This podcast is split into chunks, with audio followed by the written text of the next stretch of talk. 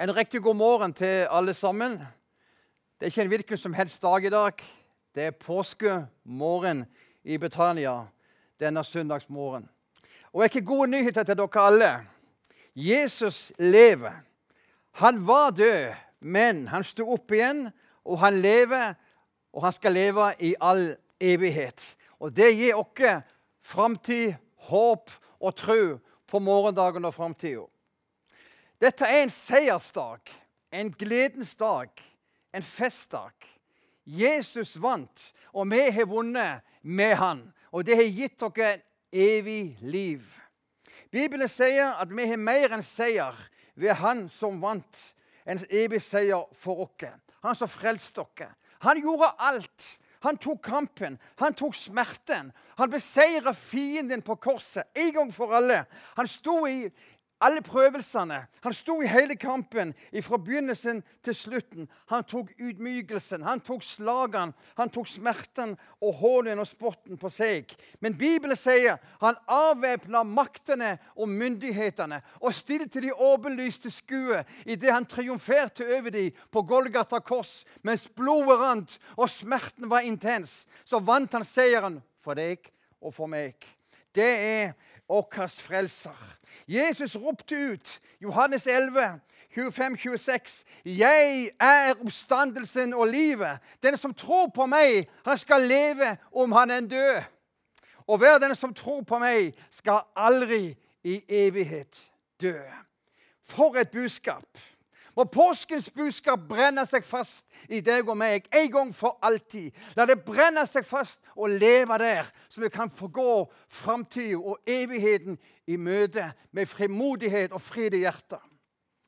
De fire evangelistene beskriver denne påskemorgens dramatikk litt på ulike måter ut fra sitt ståsted.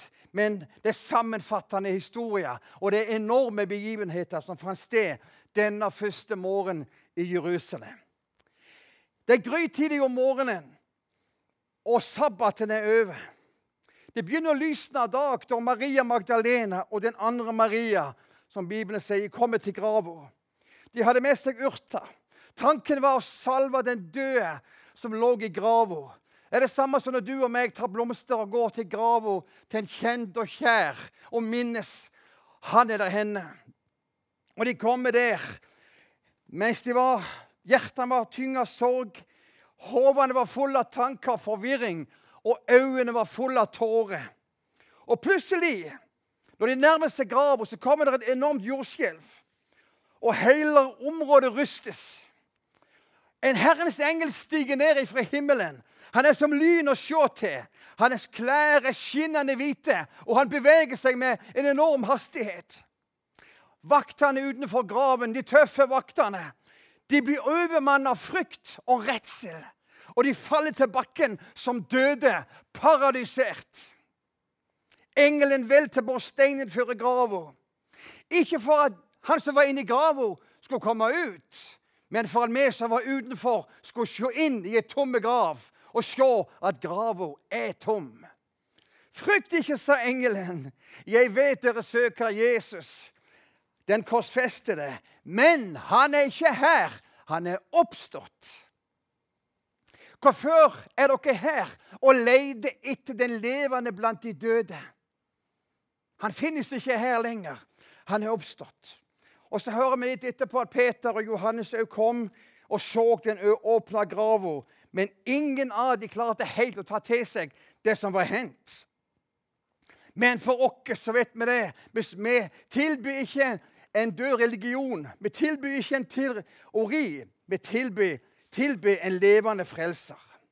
La oss bare ta et kort øyeblikk over det som skjedde denne påskeveka som var gåen i forkant av disse begivenhetene i Jerusalem. Palmelørdag. Jesus er i Betania, i huset til Simon den spedalske. Lasarus er nylig vekka opp fra de døde, og folk undrer seg. Hvem er han egentlig, denne Jesus? Mange hadde meninger om han, og mange hadde tanker om hvem han var. Men plutselig så kommer Maria inn og salver hans føtter med ekte, kostbar nardussalve. Tørker føttene med sitt hår og verdien av salven er i helårslønn. Disiplene ergra seg imellom for et sløseri denne Maria holdt på med. Den som ergra seg aller mest, det var Judas. Men det, Jesus, det, det hun gjør, sier Jesus, jeg skal fortelles i hele verden. Det hun gjør, hun forbereder meg, hun forbereder mitt legeme på begravelsen som er like om hjørnet. Palmesøndag så holder han sitt inntog i Jerusalem på et esel.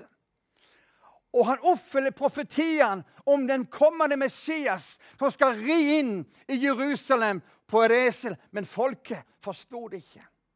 Folket hyller han, står det. Vevte med palmegreiner, og de hylla han og la palmegreiner på veien. Men de hylla han som konge, og de trodde han skulle komme og opprette riket for Israel på denne her tida. Men de forsto ikke at Guds rike er ikke bare begrensa til Israel. Guds rike er det evige rike som skal omfatte alle folkeslag, og som en gang skal inkludere alle som tar imot Jesus. De hyllet han som konge og håpte han skulle opprette riket for Israel. Men Guds rike er ikke av denne verden. Guds rike er i Den hellige ånd, i deg og meg, som har åpna hjertene og tatt imot han som frelser. Mandag på vei inn til Jerusalem så ser Jesus et figentre, og han forbanner figentreet. Og han gjør en profetisk handling igjen. Figentreet er et bilde på Israels folk, det jødiske folk, sin ytre religion. Han forbanner treet, og det visner. Og de ser neste dag at det visner helt inn til roten. For det at den gudstjeneste de holdt, det var en ytre, religiøs gudstjeneste som er tom skall uten innhold. Og de skjønte ikke sin besøkelsestid. Inn i byen renser han tempelet og gjør igjen en profetisk handling. Han renser tempelet og sier dere gjør min fars hus, som skal være et bønnens hus, til ei. Tirsdag om morgenen når de kommer tilbake igjen, da ser de at figentreet har visna og tørka ut helt ned til roda mot naturen. Men Jesus underviser om kraften i troen og om å si til dette fjellet, reis deg og kast deg i havet. Og det skal skje hvis du tror det. Tro Hans ord. Tro Mesterens ord. Og hvem som ber oss om å uttale sånne ord. Onsdag er en rolig dag for Jesus. Men det er den dagen Judas bestemmer seg at nå får det være nok. Nå skal han forråde sin herre og mester. Det er en tragiske dag for han. Torsdagen kommer. Det nærmer seg de dramatiske begivenhetene på slutten av uka. Under påskemåltidet overraska Jesus alle i hop, alle disiplene, da han bøyer seg ned og han vasker føttene på dem. Peter protesterer. Ja, det er ikke så løye. Men Jesus sa det, men la det nå skje for å oppfylle all rettferdighet osv. Som han òg sa på den dagen han ble, han ble uh, døpt han innstifter nattverden, han deler brød og vinen, den nye pakt i hans blod. Og deretter avslører han at en av de skal forråde han. Vet du, du kommer aldri til å møte Judas igjen i himmelen. Han skilte seg av fra Jesus og hans disipler en gang for alle. Han valgte en annen vei. Men Jesus han avslutter samværet med, med bønnen som er så kjent i Johannes 17, at de alle må være ett i Han, sånn at verden kan tro. Om kvelden begynner dødskampen. Om kvelden kommer dødskampen over han for alvor. Han går inn i Getsemanehagen. Djevelen er desperat, for han forstår hva som holder på å skje. Så dødskampen, åndskampen, tiltar. Og djevelen prøver å bryte ned. Det er et ultimatum. Det er en fantastisk eh, begivenhet som holder på å skje. Men det er sånn at fienden han forstår at her er det dype ting som skal skje. Og Jesus ber denne her spesielle bønnen Min sjel er dypt bedrøvet inntil døden. Og så ber han sine disipler om å bli med han og våge over han. Men disiplene klarer ikke å stå imot denne her enorme åndskampen de står i. Og de sovner flere ganger. Han prøver å komme tilbake. Eller Kan det stå med meg? Men han måtte ta den siste stunden og den siste kampen alene. Og det er da han ber denne personlige bønnen, som har vært så totalt misforstått så mange ganger. Han sier nemlig Min far, hvis det er mulig, så la dette beger gå meg forbi, men ikke som jeg vil, men som du vil. Hva er det han egentlig ber om? Begynner han å bli redd for det som skal skje på korset, og ta korset på, på seg og stige opp på korset og dø for deg og meg? Er det det han er redd for? Begynner han å få kalde føtter for det hele? Nei, jeg tror det er noe mer. Og dette må du få med deg, for dette er kjernen i evangeliet. Det bestemmer liv og død for evighet for deg og meg. Hva var det som gjorde at Jesus ba denne ene bønnen, denne ene spesielle gangen? Far, om det er mulig, så la dette beger gå meg forbi. Hva er det Jesus tenker på?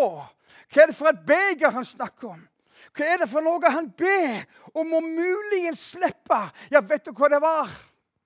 Jeg tror det var noe annet det vi mange ganger tenker på. Og jeg tror svaret finnes i Jesu ord på korset, Du, han roper ut 'Min far, min Gud, hvorfor har du forlatt meg?'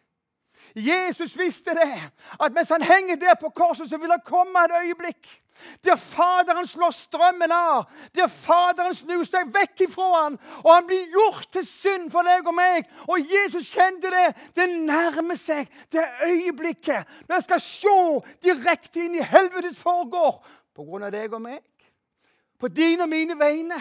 Ikke på sine egne vegne. Han var uten synd, ble gjort til synd, og han skulle få smake det ultimate angsten depresjonen, ensomheten. Han skulle skue inn i skjelve helvetes foregår. Og jeg tror det er det øyeblikket han spør. Er det mulig at jeg kan slippe far og oppleve at du bryter forbindelsen med meg? Det er det som er konsekvensen av et liv i synd. Det er det som er konsekvensen av følgen den dagen vi står ved tidsalderens ende. Hvor skal du hen? Hvor skal du tilbringe evigheten henne? Jesus han har smakt døden, dødsriket. Han er skua inn i det. Og han visste det kom et øyeblikk der Faderen sjøl bryter strømmen og snur seg vekk.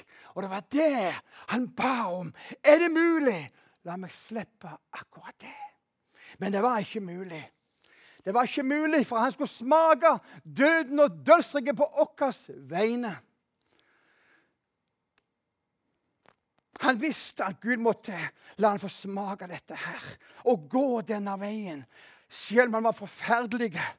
Total angst, total ensomhet, total atskillelse.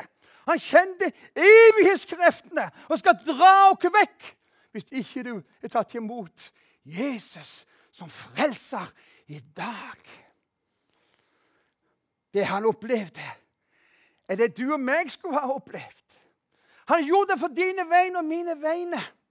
Han gjorde det for at vi skulle slippe. Han tok kampen.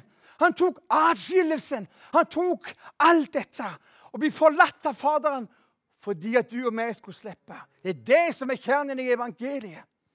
Han tok straffen på seg. Og Jesaja skriver han ble såret for våre overtredelser. Han ble knust for våre misgjerninger. Straffen ble lagt på han for at vi skulle ha fred. Og ved hans sår har vi fått legedom. Han ble mishandla og fornedra. Likevel åpna han ikke sin munn. Lik et lam som blir ført vekk til slakt åpna ikke munnen sin. Han lot det skje. Han gikk veien helt til enden, helt til korset, der han henger og sier til og med far, tilgi disse her menneskene. Tilgi dem, for de vet ikke hva de gjør. Men så kommer påskemorgen, og det er her vi er i dag. Påskemorgen slukker sorgen. Jesus lever, han ble ikke i døden. Døden kunne ikke holde han fast. Jesus sa, 'Jeg er oppstandelsen og livet'. Han er sterkere enn døden. Hva er oppstandelse for noe? Det er å ha vært i døden og sluppet unna. Døden kunne ikke holde han fast. Han beseira døden og dødsriket på dine vegne og mine vegne. En gang for alle. Graven brast, og Jesus lever. Og denne påskemorgenen, la oss ikke glemme det. La det bli brent fast i vårt hjerte at graven er tom, og Jesus lever. Og vi skal leve med han. En ting til. Hans oppstandelse beviser at han er, han var og er den lovede Messias. Han ble ikke bare korsfesta. Han døde og sto opp igjen tredje dagen. Oppstandelsen beviser for all verden han er, han var Messias. Og en ting til. En fange som vil sone i straff, og så kommer ut igjen han har sona straffen en gang for alle og legger straffen bak seg og kommer tilbake til livet. Og du kan vite at din synd er beseira en gang for alle. For Jesus tok det på, på seg på korset, ble lagt i grava, sto opp igjen, og synden er bak. Han skal glemme henne. Han har glemt henne. Han har glemt alle våre synder. Han holder det ikke opp imot dere. Vi er ferdig med synden. Gjelden er betalt pga. Jesu Kristi død og oppstandelse. Bibelen sier når vi tar imot Jesus, blir vi født på ny. Er ikke nok å bare si jeg tror på Gud. Bibelen sier alle dem som tok imot ham, dem ga han retten til å bli Guds barn. På grunn av at han lever, vil det være en framtidig oppstandelse i vente for deg og meg. Vi skal leve evig sammen med Han, og du skal også leve sammen med Han. Hvis du åpner hjertet, inviterer inn Jesus og sier, 'Jesus, jeg gir mitt liv til deg.' For alle dem som tok imot ham, ga han retten til å bli Guds barn. Dette er det evige livs gave. Dette er å få tilgivelse for syndene. Dette er at Jesus gjorde alt ferdig for deg og meg. Det er de gode nyhetene. Det er evangeliet. Det er sannheten for alle menneskene. Og la det bli sånn for deg òg denne påsken at dette er ditt budskap. Dette er ditt liv. Dette er din overbevisning. Takk, Jesus. Amen.